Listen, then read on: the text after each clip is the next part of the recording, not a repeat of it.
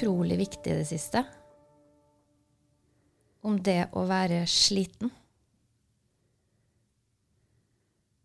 Plutselig har det gått opp for meg veldig mange viktige ting som jeg tror mange kunne hatt godt av å høre noe om. Om det å føle seg sliten.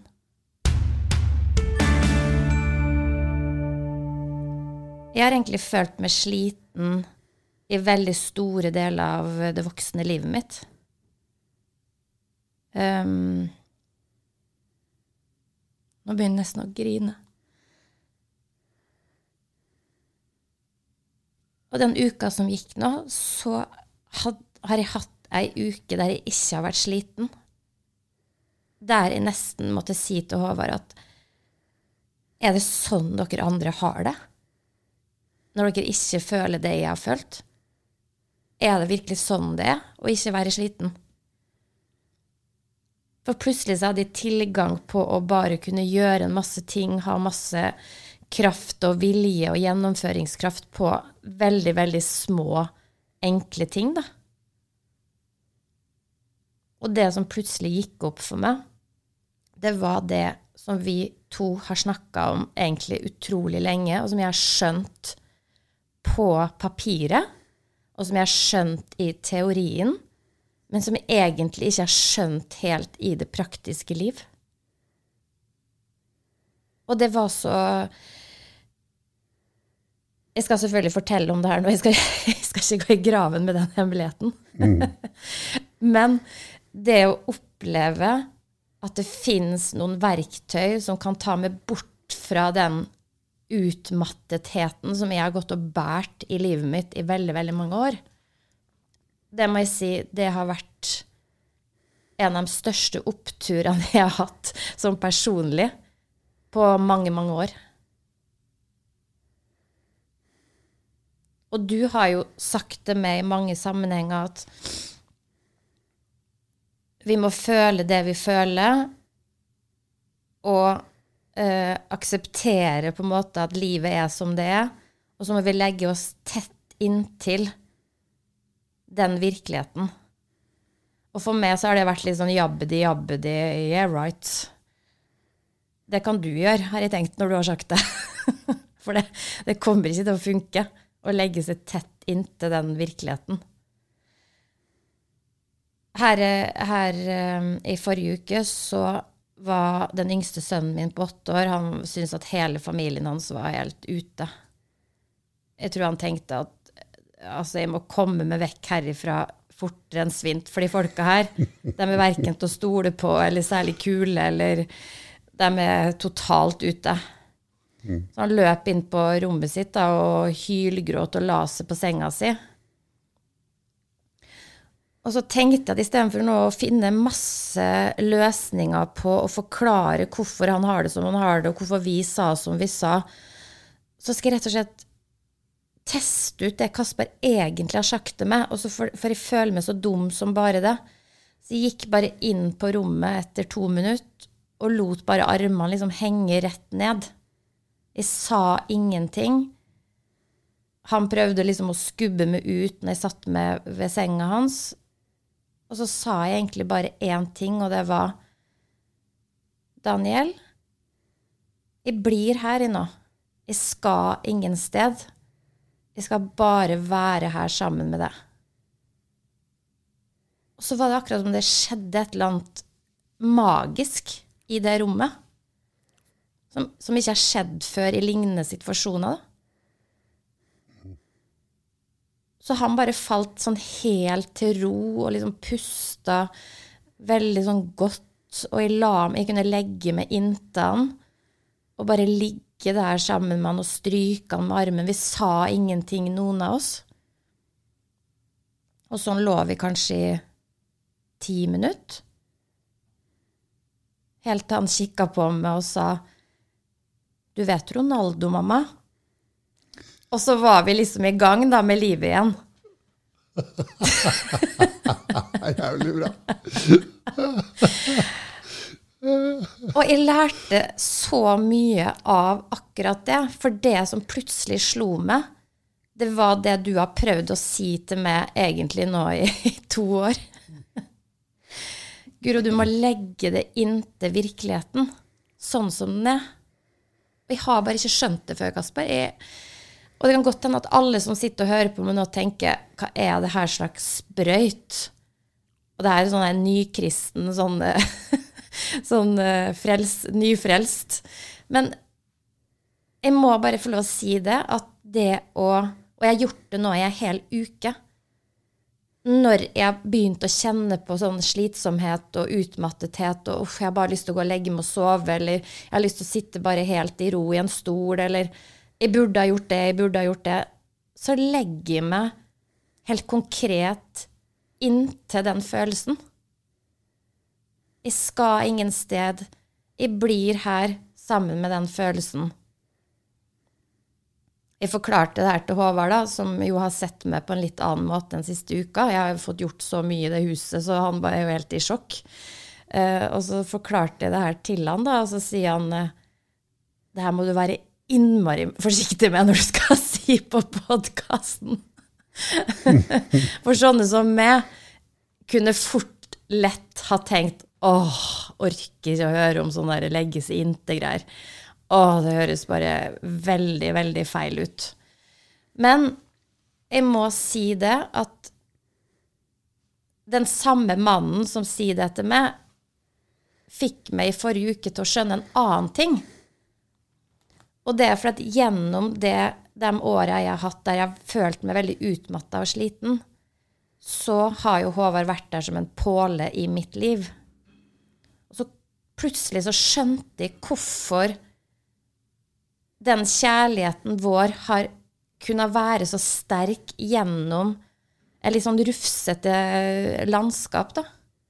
Og det er jo nettopp det at når jeg har vært rufsete og jeg har vært sliten og utmatta, så har ikke Håvard stått over meg og skreket at jeg må get my shit together, liksom.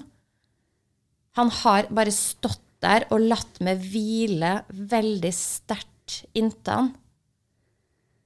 Så han har lagt seg inntil meg og latt meg få lov til å være der.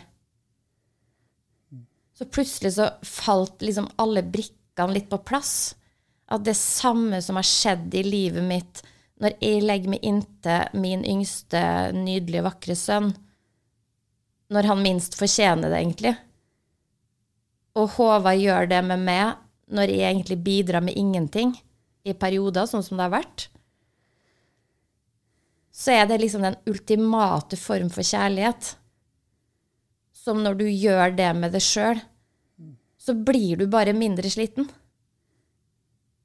Jeg har følt meg mindre sliten.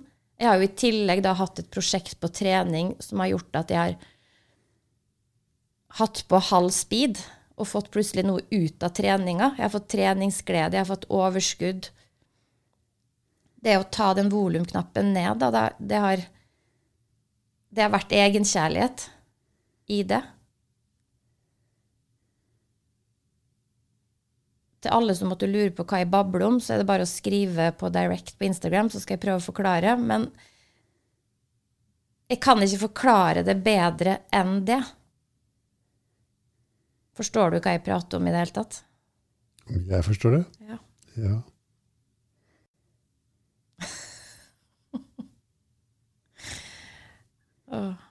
Du, vi, er, vi, snakker jo sammen uh, titt og ofte, jeg og du, Kasper, og du har hele tida sagt til meg du må skrive dagbok, Uro. Du må, du må beskrive for deg sjøl hvordan du opplever de dagene når du tester ut det her. Det har jeg da ikke gjort. Men jeg har klart i veldig mange situasjoner denne uka her å skru volumknappen min litt lavere. Og når jeg har følt meg pressa opp i et hjørne, som jeg ofte kan gjøre sånn litt sosialt, så har jeg lagt meg inntil meg sjøl. Og det har gjort at jeg har hatt et helt annet overskudd denne uka her enn jeg kan, nesten kan huske. Og det tar jo bare ti sekunder. Jeg har tenkt at ok, da, da, må man liksom opp på en gård, opp på et fjell og være der i tre måneder hvis man skal få noe ut av det. Men så har jeg plutselig skjønt at hele nøkkelen sitter hos meg sjøl. Og det er jo enormt deilig å tenke på. Et lite gjennombrudd der, altså. Skal du ikke si noe? Tenker det. Jeg er bare glad. Rørt. Det kom jo plutselig selvfølgelig da masse tanker om at ok, det funka denne uka her. Det kommer ikke til å funke neste uke. ja. Jeg har brukt opp, brukt opp magien. Mm. Men det hjelper meg i dagliglivet mitt, og det hjelper meg i forhold til barna mine. Det er ekstremt effektfullt overfor barna mine. Og så har jeg tenkt flere ganger at vi må huske oss, jeg må huske å si det her på podkasten, for, for det er jo det her så utrolig mange står i. Vi føler oss slitne, vi føler oss utmatta. Vi brenner liksom opp innifra. Og svaret er jo ikke Kan jo egentlig ikke være lettere og billigere. Det var ei som skrev til meg en gang. Så skrev hun uh, veldig fin uh, melding. Så skrev hun du kan ikke du si noen ting om hva skal jeg gjøre når jeg ligger der på kvelden og ikke får sove og jeg liksom blir spist opp innifra. Hva kan jeg gjøre? Har du noen tips? Og det må jeg si, det er det beste tipset. Og så får det være at Håvard blir livredd for at jeg fremstår som sånn nyfrelst. Og at jeg, kanskje folk syns det høres veldig rart ut. Men så får det bare være litt rart. Men det er faktisk mulig å eksperimentere litt med det der i egne liv for alle dere som hører på det her, og som syns at det høres spennende ut eller noe nytt ut eller fint ut. For alle dere andre, spol over. Vi kommer sikkert til å snakke om noe annet etter hvert i den episoden her. Det andre som skjedde denne uka her, det var at jeg eh, nesten falt sammen eh, på badet. Jeg sto og skulle ordne, ordne meg etter at barna hadde gått på skolen. Jeg skulle, på, jeg skulle en ting. Og Håvard hadde hjemmekontor, og jeg kom bare liksom fykende rundt øh, svingen. Og bare, sa, bare skreik da nesten. Du må ikke dø!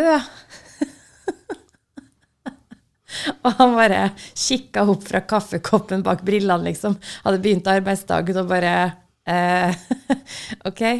For hvis du dør, så kommer jeg til å eh, Da kommer jeg til å knuses i en milliard små glassbiter. Du vet sånne glass som de har på Ikea, så når det knuses, så er det så dårlig kvalitet at det blir bare til støv etter hvert. En milliard sånne små støvting som du finner gjennom hele huset.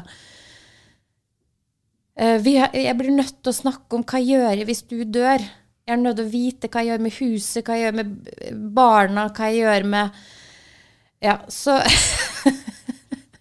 eh, Noe som Håvard faktisk da tok på alvor. Så når vi var på vei fra en 50-årsdag i Kristiansand på søndagen, så sa Håvard du, nå skal vi snakke om det som du blir så veldig bekymra for. Nå skal vi snakke om hva som skal skje hvis jeg dør. Og da begynte jeg å hylgråte, selvfølgelig, for det ja, det er jo litt sånn heftig diskusjon å ta, da. Som endte med eh, selvfølgelig Hva gjør vi hvis begge dør? Hvem skal ha barna? Ja. Så det fikk vi tatt en, en uh, god runde på. Um, vi kom innom hvordan uh, vil du at begravelsen din skal være? hvordan vil jeg at min begravelse skal være? Uh, og ja jeg fikk tatt en god prat med ei veldig veldig god venninne av meg, en av mine aller nærmeste, som heter Gro, som, som sa 'shit'. det her har ikke jeg tenkt på eh, så konkret, så det her må jeg ta en, en prat med òg, med min partner Anja. Så vi satt og lo litt godt av oss sjøl eh, på at vi plutselig satt og hadde en samtale om hvordan begravelsen vår skulle være. Men det føltes veldig, veldig fint og veldig riktig, og nå sover jeg litt bedre om natta. Og det beste av alt, som Håvard sa til meg, bare så du vet, jeg har ikke tenkt å dø. Så du kan si at den siste uka har vært litt sånn fylt med diverse. Jeg syns jo det, dette var en veldig fin podkast. Egentlig eh, Det holder, det der, liksom. Det er nok. Det er et sånt bonusspor. Er det det som begynner nå? Nei, det er det, vi har, det som du har laget nå. Har du ingenting å tilføye? Nei. Absolutt ikke. Det er bitte rann kort, da. Vi pleier jo å være litt lenger. Det er jo helt komplett.